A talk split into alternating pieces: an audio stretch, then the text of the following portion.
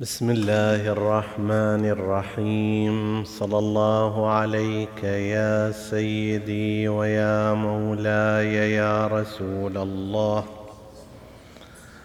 صلى الله عليك وعلى ابن عمك امير المؤمنين وامام المتقين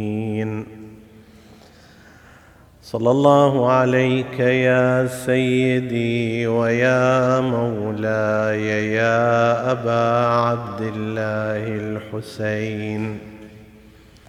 ما خاب من تمسك بكم وأمن من لجأ إليكم. يا ليتنا كنا معكم. فنفوز فوزا عظيما. روي عن سيدنا ومولانا أبي عبد الله جعفر بن محمد الصادق عليه السلام أنه قال من فسر القرآن برأيه فأصاب فقد أخطأ.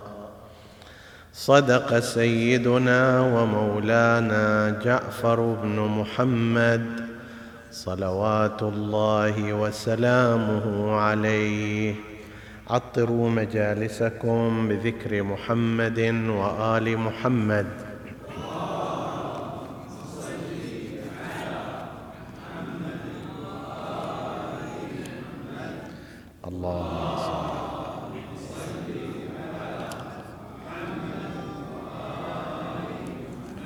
اللهم صل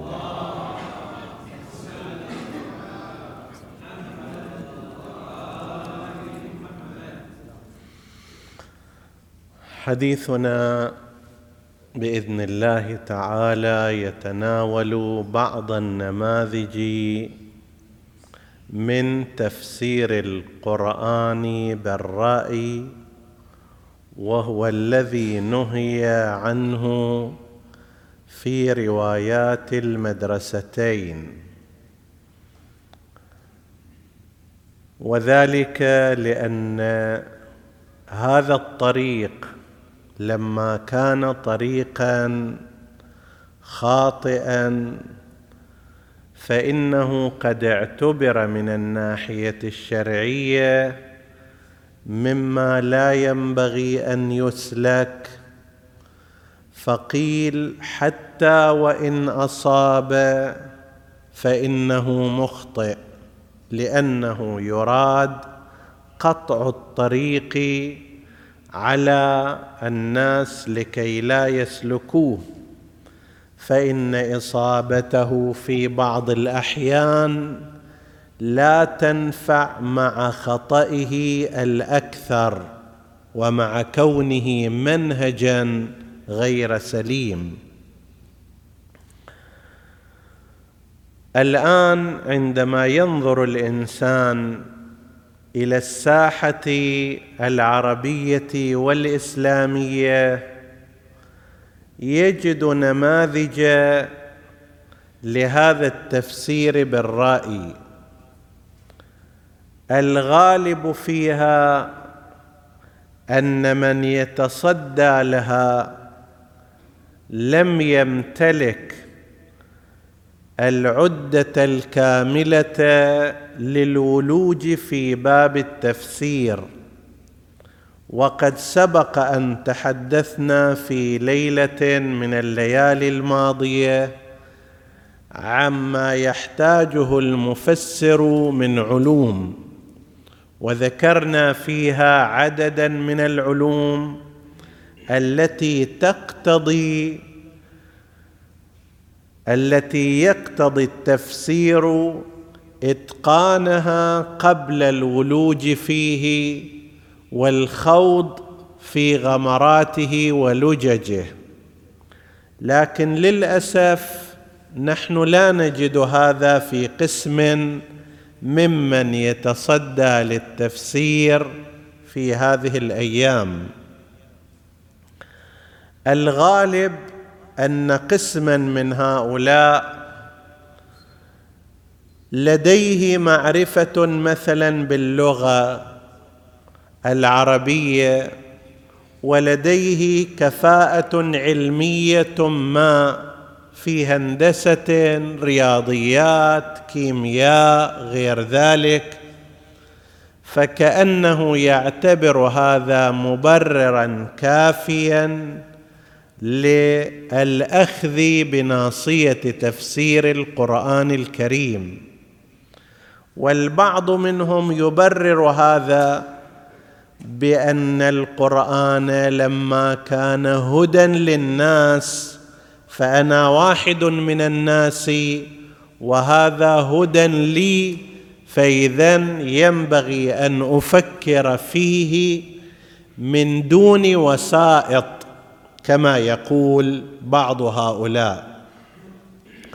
وقد ذكرنا في وقت مضى أن هناك مستوى من معاني القرآن الكريم هو بالفعل لكل الناس لعامة الناس. ولكن عندما يكون الأمر في إطار الدخول إلى داخل أعماق القرآن وتفسيره وتقديم آراء فيه وأحيان تقديم فتاوى وأحكام شرعية فيه نفيا واثباتا فهنا لم يخاطب القر... لم يخاطب القرآن الناس بأنه هو هداية لهم في هذا المستوى. إلا إذا امتلكوا قدرة معينة ومقدمات خاصة آنئذ يكون هذا الكلام صحيحا. وإلا لو كان كذلك فلا معنى إذا ليه فاسالوا أهل الذكر إن كنتم لا تعلمون. كان ينبغي أن يقول القرآن فانظروا بأنفسكم ولا تعتنوا بكلام غيركم. وللأسف هذا بعض الكلام الذي يقوله بعض هؤلاء. هذه الكليشة والعبارة الدائمة الترداد يقول لك لا تأجر عقلك إلى أحد لا تسلم عقلك إلى أحد أنت فكر بنفسك. وانت استنبط بنفسك وانت استكشف القرآن بنفسك وهذه كلمة فيها من الحق شيء وفيها من الباطل أشياء. هذه فد مقدمة أضيف إلى ذلك شيئا آخر وهو أن الجامع المشترك بين هذا النوع من التفاسير والمفسرين من هذا النوع أن لديه افكارا معينة وغالبا هي في هذه الأزمنة قادمة من الثقافة الغربية. قضايا مساواة الرجل والمرأة قضايا في الميراث في الزواج قضايا الحرية قضايا حقوق الإنسان قضايا الحجاب وعدم الحاجة إليه قضايا النظر. ولو نظرنا إلى جملة تفاسير هؤلاء نجدها تدور في هذه الأطر. يعني كأن القرآن الكريم ليس فيه إلا مواضيع الحجاب والزواج المتعدد والمساواة في الميراث والنظر إلى المرأة وحرية المرأة والى آخره. هذه الآيات ستة آلاف وكذا من الآيات. هذه هي المواضيع التي تشغل بال هذا النمط من المفسرين. فيأتي هذا ضمن بيئة معينة وأفكار خاصة ويحاول أن يعطف القرآن عليها. أن تأتي وتقول هذا رايي لا أحد ينازعك فيه. أن تقول هذه فكرة قالها العالم الغربي الفلاني وأنا أقدرها. لا أحد يقول لك غي مخالفا.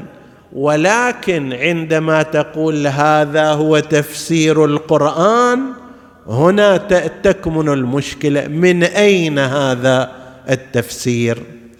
فلاورد لكم بعض الأمثلة مما هو شائع في هذه الفترة من هذا النحو من التفسير بالرأي. أحد هؤلاء يأتي في الآية المباركة آية الصيام أياما معدودات فمن كان منكم مريضا أو على سفر فعدة من أيام أخر وعلى الذين يطيقونه فدية طعام مسكين فمن تطوع خيرا فهو خير له وأن تصوموا خير لكم. عندما نظروا إلى مثل هذه الآية المباركة جاءوا بشيء جديد تماما لم يقل به أحد في من زمان رسول الله وإلى يومنا هذا. الا يقول به أحد مو مشكلة. إذا كان صحيحا. ماذا يقول هؤلاء؟ يقول وعلى الذين يطيقونه فدية طعام مسكين هذا واجب يعادل أصل الصيام. فلو فرضنا أن إنسانا اختار الفدية لا مشكلة في ذلك. رجل شاب قوي البدن ليس مريضا ليس عنده آه، مشكلة غير ذلك هذا من البداية يطيق الصيام. ومع ذلك يذهب ويفدي بدل صيام 17 ساعة 16 ساعة 18 ساعة يعطي فدية هي طعام مسكين عشر ريال في مثل بلادنا مثلا أو خمسة ريال في بعض الأماكن خلاص. ولا يجب أن يشعر هذا التعبير لهؤلاء. لا يجب أن يشعر الإنسان بالإثم عندما يختار الفدية. هذا يصير وهذا يصير. يقدر يصوم ويقدر أيضا يدفع فدية. ولا سيما يقولون لا سيما في أوروبا الصيام مرهق. فإذا صار يعطي فدية الطعام فدية الطعام للمسكين يعني إحنا راح نوفر مئات الملايين من الدولارات. شنو ربط مئات الملايين الدولارات في أصل التشريع؟ أنا لا أعلم. فيقول لك اذا بناء على هذا الكلام يستطيع الإنسان في أي مكان كان في أي عمر كان في أي درجة من القوة كان هو مخير من البداية يقدر يصوم شهر رمضان ويقدر يقدر يدفع شنو؟ فدية طعام مسكين من وين هذا قال؟ قال وعلى الذين يطيقونه فدية طعام مسكين طيب معنى هذا أن الإنسان يستطيع مثلا شاب عضلاته قوية بدنه سليم وكامل ما يصوم. يدفع ثلاثمائة ريال عن الشهر كله ويقعد مرتاح في هذا الشهر المبارك. طيب بدل الواحد خلي مئة ألف ما في مشكلة أيضا وما لازم يستشعر أنه مأثوم. طيب تجي تقول طيب هذا الكلام من زمان رسول الله صلى الله عليه وآله إلى يومنا هذا لم يلتفت إليه أحد ولم يفعله أحد أصلا. طيب ولو كان بهذا النحو لكان شيء سهل ويسير وإلى آخره. هذا الصيام الذي له حكم لعلكم تتقون. في قول رسول الله واذكروا بجوعكم وعطشكم فيه جوع يوم القيامة وعطشه. طيب هذا صار يمكن شراءه بعشرة ريال بخمسة ريال والحال أنه الإنسان قادر ومستطيع وما عنده مشكلة. طيب هل يمكن أن يقبل الدين مثل هذا الأمر. ثم وين صارت إذا فمن شهد منكم الشهر فليصم. هذه العلماء وهذه مشكلة أحيانا عندما يصير عدم إحاطة ببعض العلوم الأخرى من شهد منكم الشهر فليصم يقول العلماء فيها إطلاق لجميع الحالات. أي إنسان شاهد حاضر في البلد وصار شهر رمضان فيجب عليه أن يصوم. أي إنسان عنده قدرة ما عنده قدرة مريض عليل غير ذلك إلى آخره. ثم الآيات الأخريات جت وبدأت تستثني. قال من كان منكم مريضا أو على سفر هنا بعد ما قال فليدفع فدية صيام. ليش يدفع؟ ليش فعده من أيام أخر؟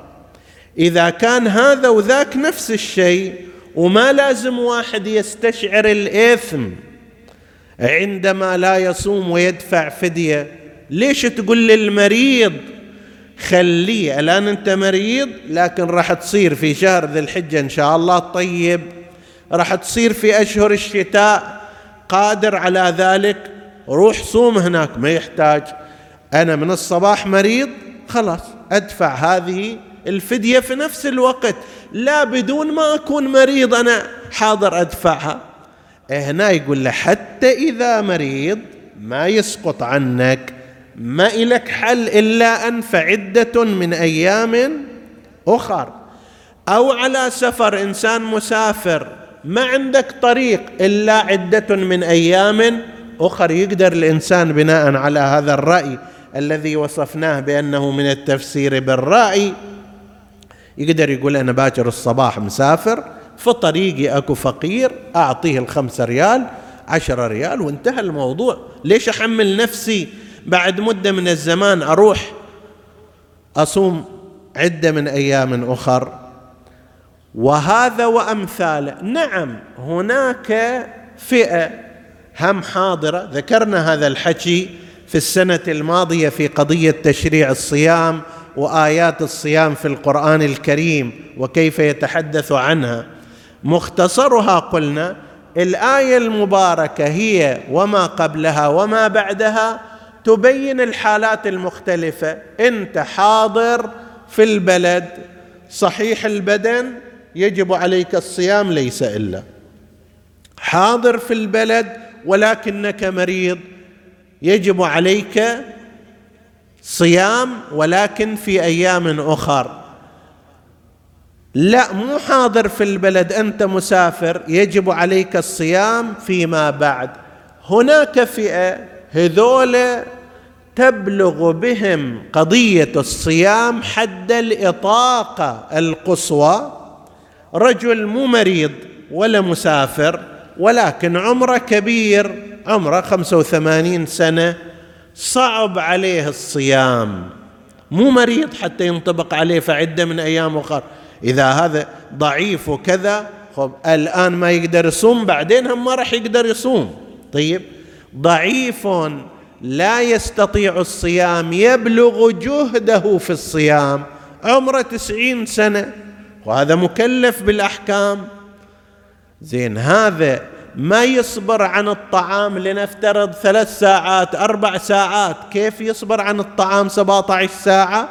هنا قال لك هذا إنسان تبلغ قضية الصيام به حد الجهد الأعلى والطاقة القصوى.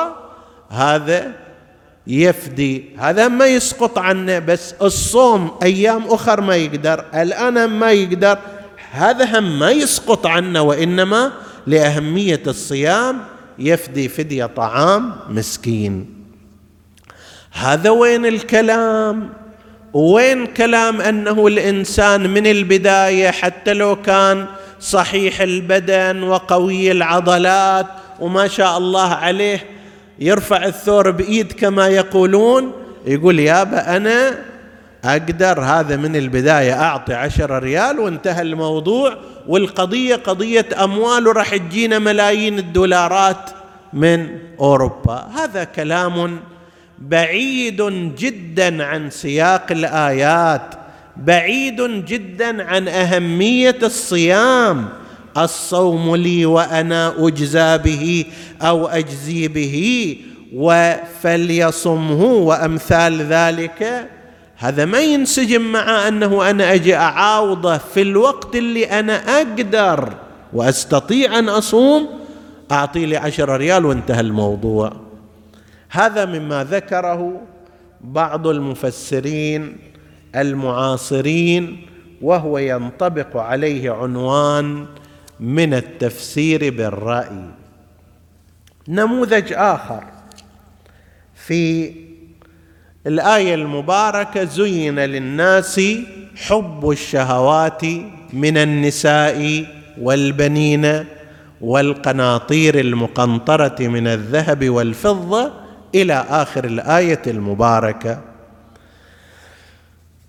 أكو فد عقدة عند من هم متأثرون بالحالة الغربية أن الحالة الغربية تقول المسلمون ينظرون إلى النساء والمرأة نظرة شهوية نظرة التذاذ.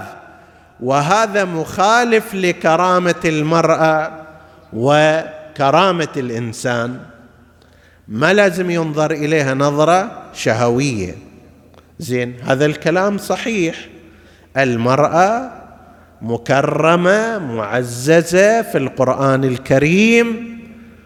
ذكر من شؤونها الشيء الكثير منها أنها سكن منها أنها ستر للإنسان منها أيضا أنها محل زواج ونسب وصهر وغير ذلك ومنها أيضا أنها مكان للرغبة الجنسية مثلما الرجل مكان للرغبة الجنسية من المرأة. فذكر القرآن الكريم أحوالها المختلفة.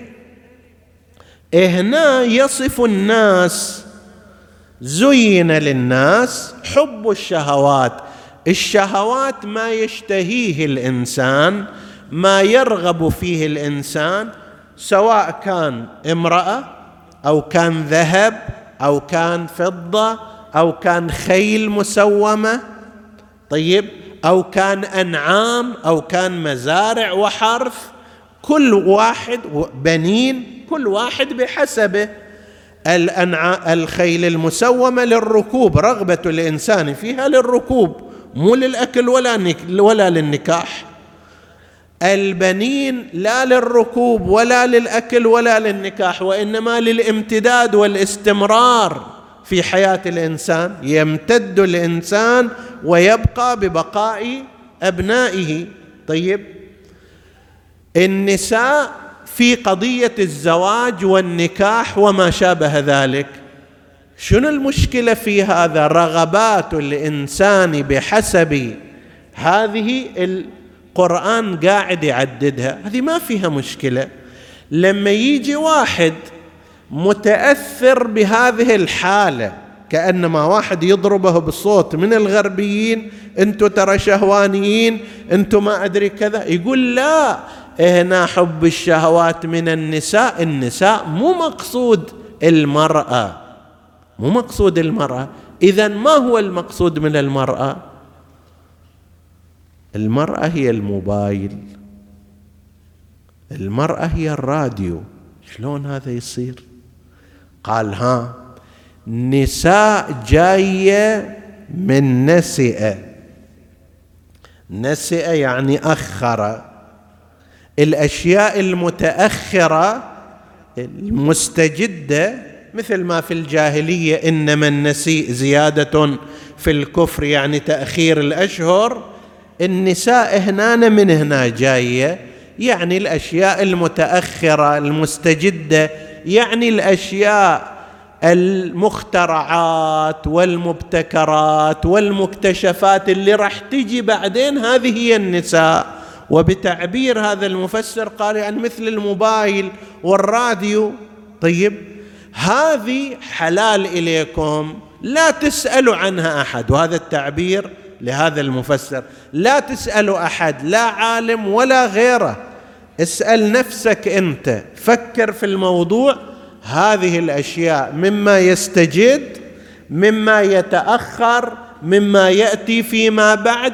هذه هي النساء مثل الموبايل مثل الراديو مثل التلفزيون وأمثال ذلك. زين هذا التفسير. تجي تقول مثلا لما نقرأ إحنا في يا نساء النبي لستن كأحد من النساء كيف نقرأها يعني؟ هل نطبق عليها نفس الكلام؟ لو لا. لو هناك فد شكل وهنا شكل آخر. لا يسخر قوم من قوم عسى أن يكونوا خيرا منهم ولا نساء من نساء عسى أن يكن خيرا منهن. يعني شنو هنا؟ ما يستجد الأمور المبتكرات والمكتشفات. نفس سورة النساء عندنا سورة باسم سورة النساء. يعني سورة الشنو؟ طيب. هذا فعلا من مصاديق التفسير بالرأي. القرآن يعبر عن نفسه بأن آياته متشابهة مثاني. زين. ما يستخدم تعبير هنا يختلف عن التعبير هناك. هالمصطلحات هذه لا سيما من قبل نفس هذا المفسر اللي عنده مصطلحات معينة ويقول هذه في كل مكان تستخدم بهذا المعنى. زين. يا نساء النبي وين تخليها؟ سورة النساء يتامى النساء غير ذلك. إذا تريد تعطيها هالمعنى الجديد اللي أنت جايبه فد معنى لا يمكن أن يكون مقبولا ابدا. لكن قلت ما الذي يدعو أمثال هؤلاء إلى مثل هاي؟ أكو هناك وراه واحد يركض ترى أنت أنتم المسلمون تنظرون إلى النساء نظرة شهوية ورغبة جنسية فنريد نشيل النساء من هنا شيل النساء هذه زين للناس حب الشهوات من النساء يعني من الأشياء المبتكرة فيما بعد حتى لا نتورط ويا هذول اللي يقولون رغبة جنسية وما شابه ذلك. طيب. في نفس هذه الآية يعني أنا اللي أريد أبين أصل التفسير أنه غير صحيح ويتخالف مع آيات القرآن الكريم. بس إحنا ما نقول بعد أنه يتخالف مع ما ورد من الحديث عن رسول الله وعن المعصومين لأن هذول قضية التفسير بحديث النبي والمعصومين لا يعترفون بها أصلا. طيب. بس أكو هناك من يسوط هذا هذا المفسر في أنه لابد أن يجتنب هالأمور هذه. الحجاب شلون؟ فد شكل بحيث لا نتورط أولئك. طيب الحقوق المرأة شلون؟ نجاوب بشكل اللي لا نتورط أولئك وهكذا. التعدديه الزوجية نفس الكلام. يابا التعدد تعدد الزوجات في الغرب مجرم. قانونا لا تستطيع أن تتزوج زوجتين. تقدر تأخذ لك زوجة رسمية وعشر عشيقات عشر خدينات. هذا ما في مشكلة. هناك لكن زوجة رسمية تسجل ثنتين لا هذا ممنوع. والآن في بعض بلاد المسلمين أيضا دا يحاولوا يقروا قوانين بهذا الاتجاه. زين. فاللي يعيش في هالبيئة وضمن هالفكرة هذه عنده مشكلة. الآن هذه في القرآن أكو كيف نقدر إحنا نوفق بينها وبين هالفكرة هذه اللي واردة من الخارج واللي تضغط علينا. يقولوا تعد تعددية الزوجية تعدد الزوجات مخالف لحقوق المرأة ظلم إلى المرأة قانونا غير صحيح. طيب ماذا نصنع بالنسبة إلى هؤلاء اللي عندهم هالشكل؟ حالة من التأثر بالفكر الآخر. نجي إلى الآية المباركة. نحاول أن نوجهها. نقرأ في سورة النساء في قضية التعدد كما في السورة المباركة أول سورة المباركة وإن خفتم ألا تقسطوا في في اليتامى فانكحوا ما طاب لكم من النساء مثنى وثلاث ورباع فإن خفتم ألا تعدلوا فواحدة. زين. انكحوا ما طاب لكم من النساء مثنى وثلاث ورباع يعني سواء ثنتين أو ثلاث أو أربع بين قوسين. إحنا الآن ما عندنا دعوة هنا في هذا المجلس لتعدد لا أحد يفهم هذا المعنى وإنما لتوضيح المسألة والآية المباركة. ذاك إله محله. طيب عند تفسير الآية الان إحنا نرد على هذا المفسر فقط. الشاهد أنه هذا اجى ماذا قال؟ قال التعدد ما عندنا إحنا في الإسلام تعدد الزوجات. ليش ما عندنا تعدد؟ والآية المباركة موجودة. قال ها أساسا الحياة الزوجية في الإسلام هي واحدة امرأة لرجل. فقط. وهذا طبعا مصدره ذاك الوادي. امرأة لرجل. ما في بعد امرأتان لرجل. فامرأة لرجل والغرض من من الزواج يقول لك تكوين الأسرة وتربية الأولاد وبناء علاقة زوجية كاملة. وهي تمحضه المحبة وهو يمحضها المحبة. هي ملكه وهو ملكها. خلاص. هذه الفكرة أيضا فكرة غير صحيحة وهي شائعة لا سيما في مدرسة الخلفاء عند ردهم على قضية الزواج المنقطع. هذا دائما يكرروها أن غاية الزواج والنكاح في الإسلام فقط هو قضية الاستقرار الزوجي وإنجاب الأولاد وإما مجرد علاقة زوجية بين اثنين مؤقتة فما يصير. هناك ذكر العلماء أن هذا الكلام لا أصل له. هذا النبي محمد لذكره الشرف والصلوات.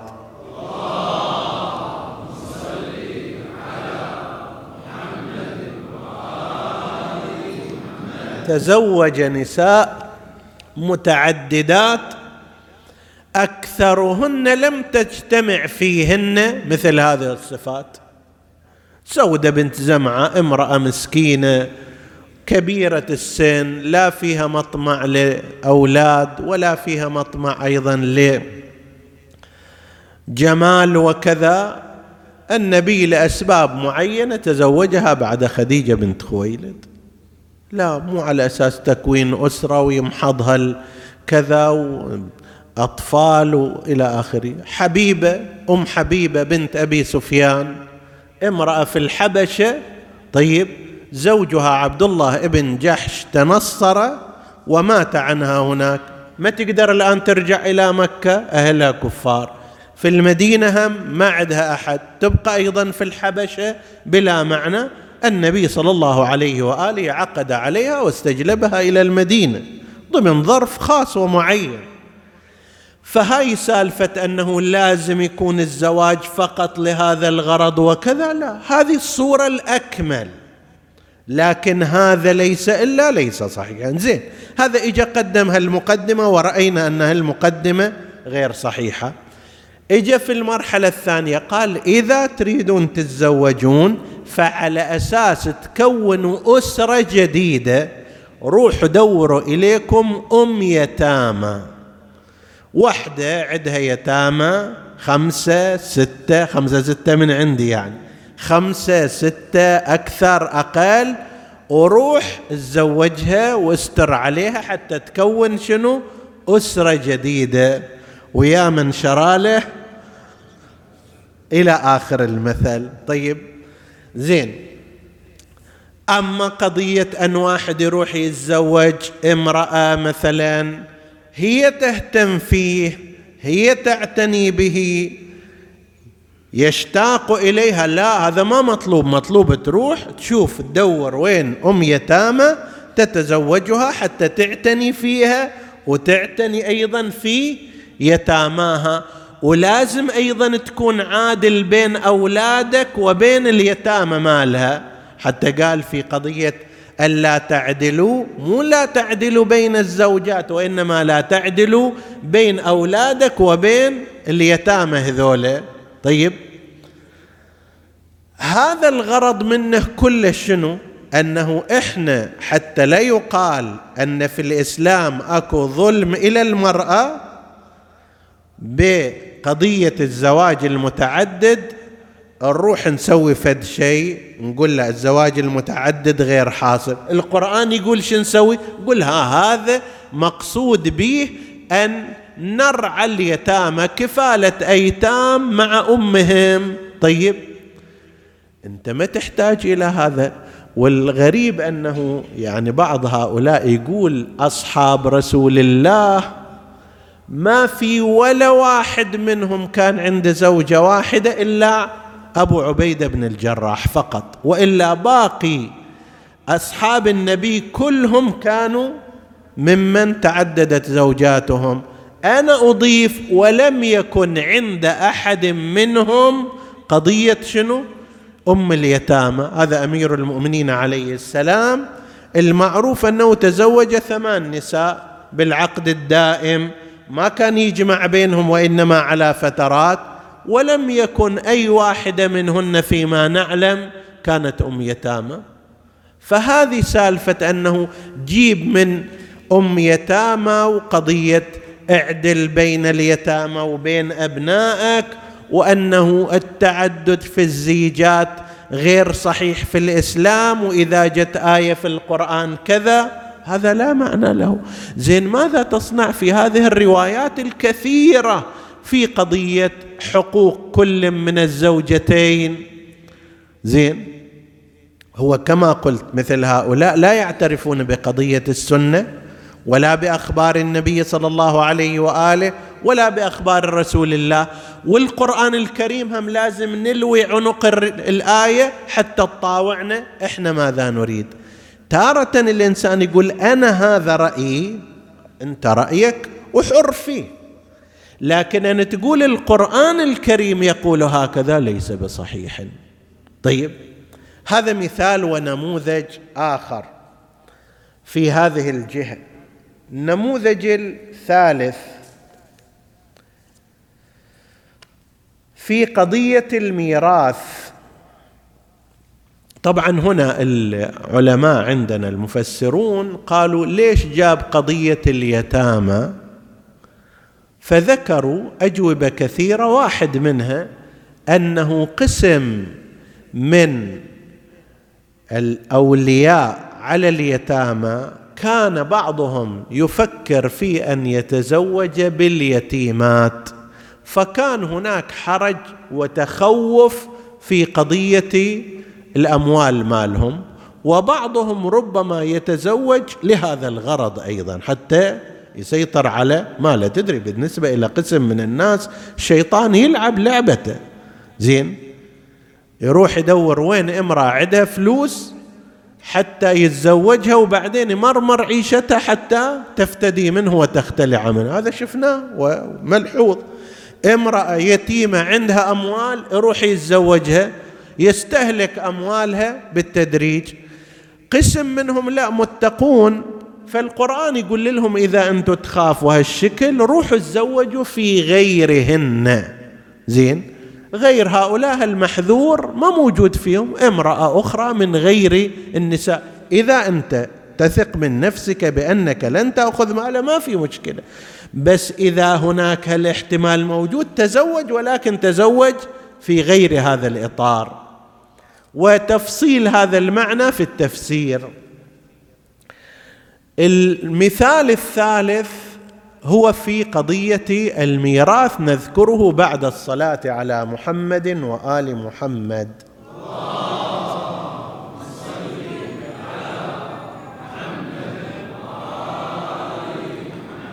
الآية المباركة تقول يوصيكم الله في أولادكم للذكر مثل حظ الأنثيين فإن كن نساء فوق اثنتين فلهن ثلثا ما ترك. وإن كانت واحدة فلها النصف. ولأبويه لكل واحد منهما السدس إلى آخر الآية. زين. هذه المعروف عند المسلمين أن الآية المباركة تتحدث عن الميراث بهذا النحو. مره يكون شخص واحد الوارث ومره يكون متعدد. مره إذا تعدد مره يكون من نفس الجنس كلهم ذكور ومره يكونوا كلهم أناث. إذا واحد سواء كان ذكر أو أنثى واحد فقط فله المال كله بعضه بالفرض وبعضه بالرد. القرآن الكريم قال وإن كانت واحدة فلها النصف فرضا. الفرق بين الفروض والرد أن في القرآن الكريم ذكر القرآن الكريم عدد من الفروض معينة هذه ما تقل ولا تزيد بذاتها. وهناك قسم آخر يسمونه بالرد طيب وهذا إلى بحث فقهي خاص الآن ما ندخل فيه. فإذا كانت واحدة امرأة لها النصف والباقي إن لم يكن إذا كان أكو أبوين لكل واحد منهما السدس وإذا ما كان أبوين يرجع إليها ردا. إذا كان ذكر واحد أيضا له المال كله. إذا كانوا ذكرين بينهم بالسوية أنثيين أيضا بينهم بالسوية. أنثيان أو ثلاث أو أربع أو خمس. الآن اجينا إلى مثل هذه مختلط ذكر وإناث أو إناث وذكور مختلط. كيف نقسمها؟ عند المسلمين جميعا إلى هذه اللحظة من القديم أن يحسب نصيب الأنثى شقد ويضرب في اثنين يصير نصيب الذكر للذكر مثل حظ الأنثيين. هذا اللي كان عليه إلى الآن. طيب إذا ما كانوا مختلطين كانت فقط إناث. قال إناث. مرة واحدة واحدة لها النصف فرضا والباقي بالرد. ثنتين فصاعدا لهما الثلثان بالفرض فلهم فلهن ثلثا ما ترك والباقي يرد عليهن. إن لم يكن هناك أحد معهن وإذا أكو يعطى لباقي الأنصبة. طيب. هذا إلى الآن الكلام عند المسلمين.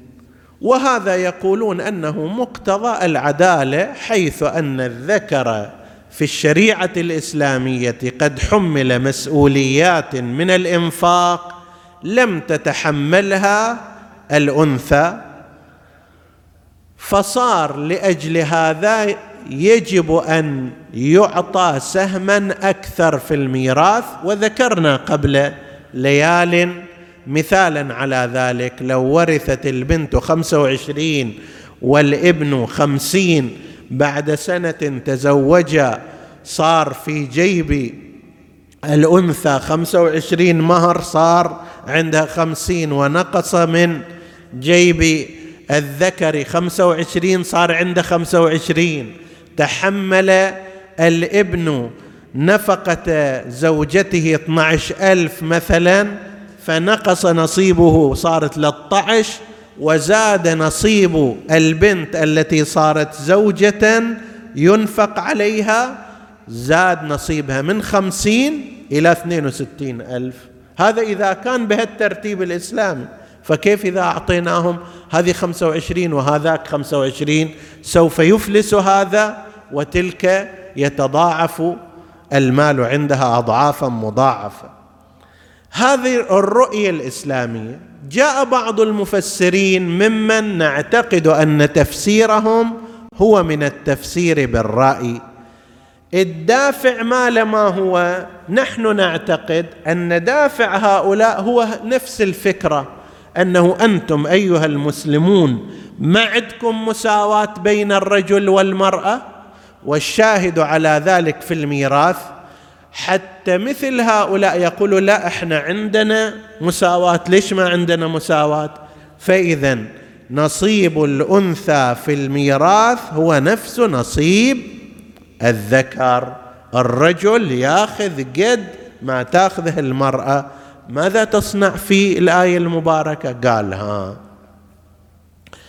مو قال للذكر مثل حظ الأنثيين.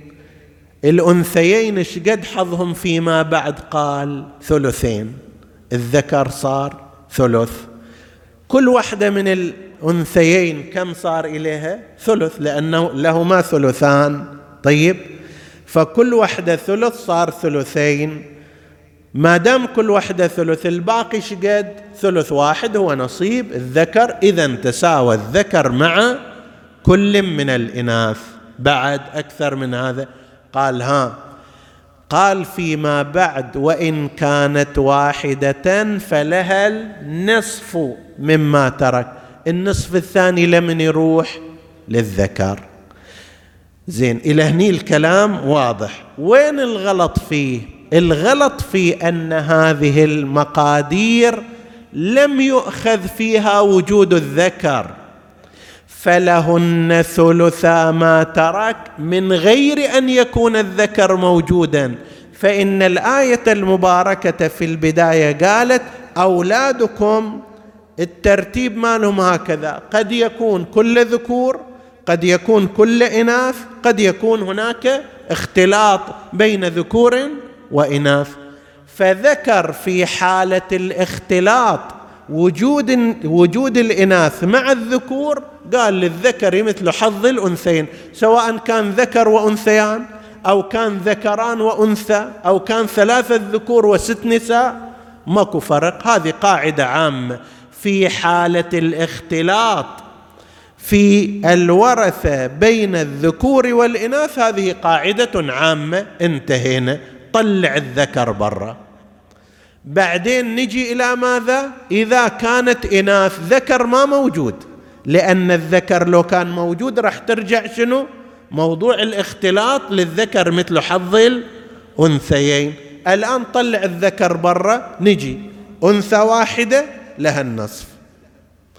أنثيان فصاعدا من دون ذكر. أنثى واحدة من دون ذكر.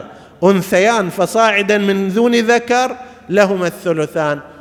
فهذا كله يتحدث عن نصيب الأنثى مع عدم وجود الذكر.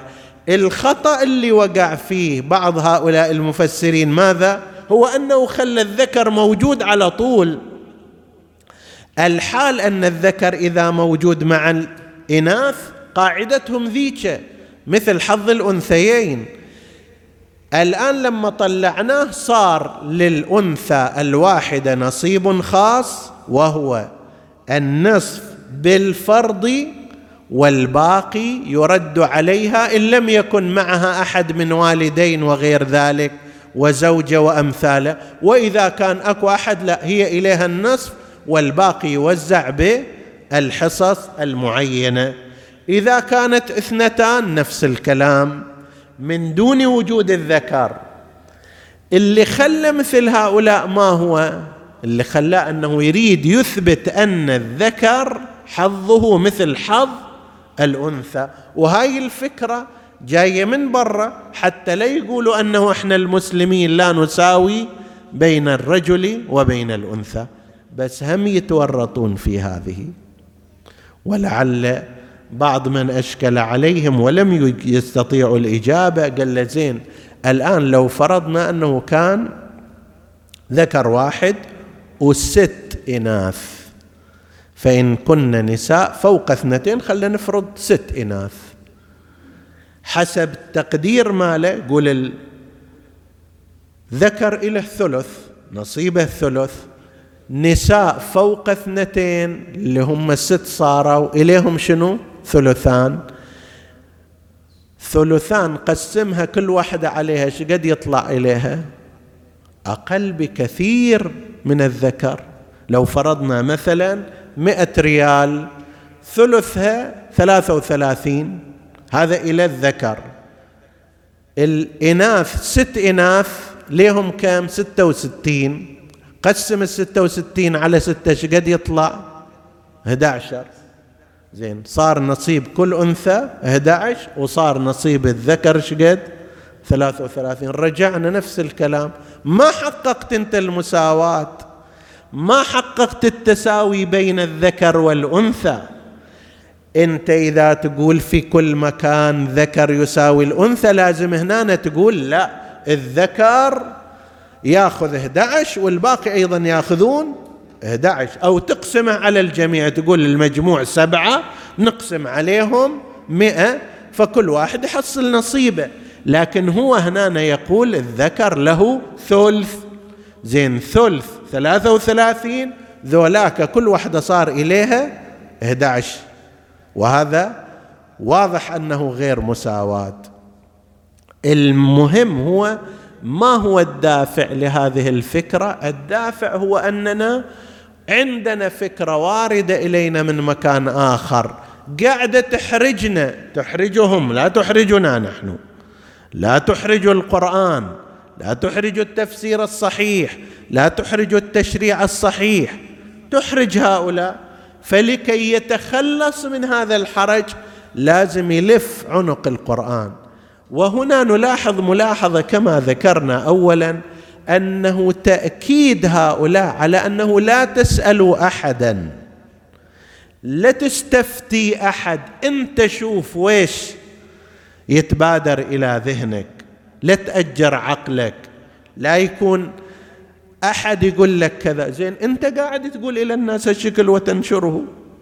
زين حرام على بلابله الدوح حلال على الطير من كل جنس انت لا تاخذ كلام العلماء كلام الفقهاء. لا تعال اخذ اللي أنا اقوله لك ويفتون أيضا. هذا يقول لك أنه انت لا تشعر بالإثم في قضية الصوم. تقدر تدفع فدية؟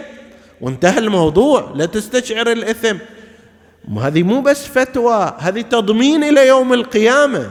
أنه أنت هذا ما قاعد تسوي شيء حرام ولن تكون معاقبا. أي فتوى بعد أكثر من هذا؟ الفقيه يقول أنا ما وصل إليه ذهني من الروايات من الآيات من جمعها من بيانها من كذا. هذا هو الرأي والله العالم وقد أكون مخطئ. غير هؤلاء يقول لا أنت لا تستشعر الإثم اللي تشوفه أنت هو الصحيح وماكو عليك شيء والله ما راح يعاقبك. ضامن الك الأمر. في الميراث أيضا نفس الكلام يقال هذا الكلام. فنحن نعتقد أن هذا من نماذج التفسير بالرأي الذي لا يستند إلى مبرر صحيح لا يستند إلى كلام العلماء. هذا قضينا عنه ما يخالف. لا يستند إلى أحاديث المعصومين هم قضينا عليه. لا يستند إلى كلام رسول الله صلى الله عليه بالتالي النبي قالها فيها الأمور شيء ولا لا؟ طبق شيئا أو لا؟ قسم ميراثا أو لا؟ صنع هذا أو لا؟ أصحابه اعتمادا على كلامه صنعوا ميراث لو ماكو ميراث طول هالمدة من من الزمان. كان موجود وسار عليه المسلمون. في هذا الأمر لم تختلف لم يختلف المسلمون على اختلافهم في الكثير من مسائل الفقه. في هذا الموضوع لم يختلفوا من زمان رسول الله إلى يومنا هذا. فكلام العلماء لا كلام الأئمة لا كلام النبي لا كلام القرآن هم لا ينطبق على هذا. فأي معنى أوضح من معاني التفسير بالرأي؟ لهذا الكلام. نسأل الله أن يهدينا سواء السبيل وأن يعلمنا كتابه ومعاني أحكامه. الميراث واضح. ما تركه الميت من مال أو عقار أو حق أو غير ذلك ينتقل قسرا وجبرا باللحاظ الشرعي إلى ورثته. مو بكيف الإنسان أيضا. وضمن تقسيم معين إلهي مو بكيف الإنسان. يرث الوارث من أبيه من مورثه بحسب الفريضة الشرعية ولا يستطيع المورث أن يتحكم في هذه الفريضة الشرعية باستثناء ما حدد شرعا مثل قضية الثلث وأمثال ذلك. هذا في الأمور المادية.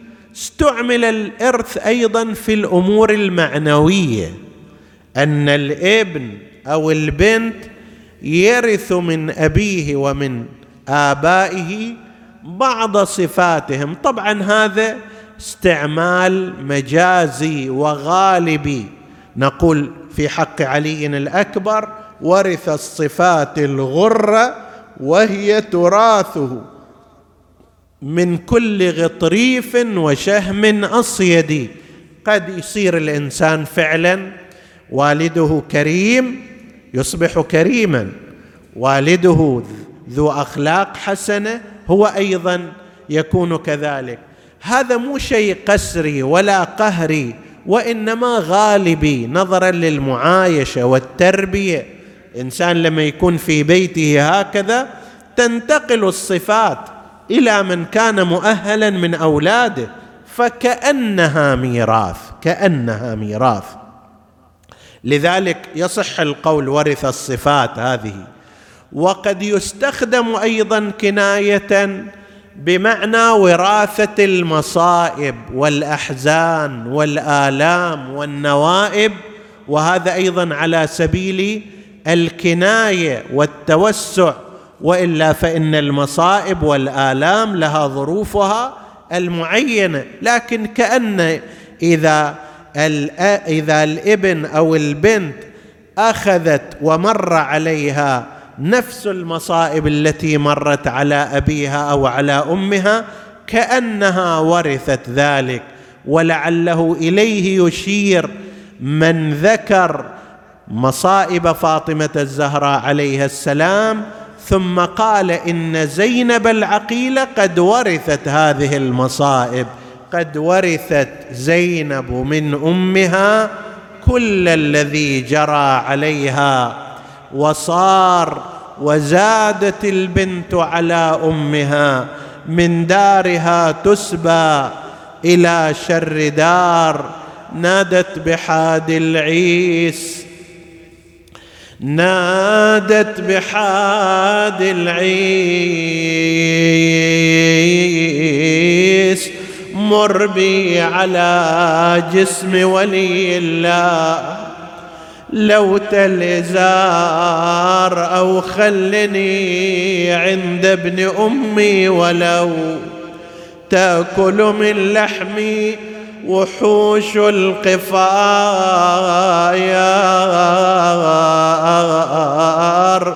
ساق الضعن يا حسين وين أهل الحمية؟ ساق الضعن للشايام وين أهل الحمي زينب تنادي سفرتي القشرة علي. ساعة القشرة يوم مروا بالمذابي كلهم عرايا والجفاين من سافير ومن الحزن زينب تقوم وناب الطيب وتصيح ذاب القلب من فرط الرزيع ورملة على الجاسم هوت تلطم صدرها. نادي عروسك بن سعايد يا ابني أسر. وانت تريب وجثتك ما حد قبرها. مدلل يا عقل شلون تبقى على الوطي. جاوب لسان الحال يما ودعيني وجمعي وساد من التراب والسدي يا والدة شقي ضريح ولحدي قالت شبيدي والعداد النوم طيح وليل على شبه النبي تلطم بالخدو من شافته مقطع وفوق الترب ممدود وتنادي يا ابني لبسيتني ثياب الحدو ما انت العزيز شلون يا ابني قطعت بي؟ نسألك اللهم وندعوك باسمك العظيم الأعظم الأعز الأجل الأكرم. يا الله اغفر لنا ذنوبنا كفر عنا سيئاتنا آمنا في أوطاننا. لا تسلط علينا من لا يخافك ولا يرحمنا. ولا تفرق بيننا وبين محمد وآله طرفة عين. احفظ اللهم إخواني الحاضرين فردا فردا واقض حوائجهم. اشف اللهم مرضاهم لا سيما المرضى المنظورين. اللهم اشفهم بشفائك وداوهم بدوائك وعافهم من بلائك. وتقبل اللهم عمل المؤسسين بأحسن القبول إلى أرواح موتاهم وموتى السامعين. نهدي ثواب الفاتحة تسبقها الصلوات.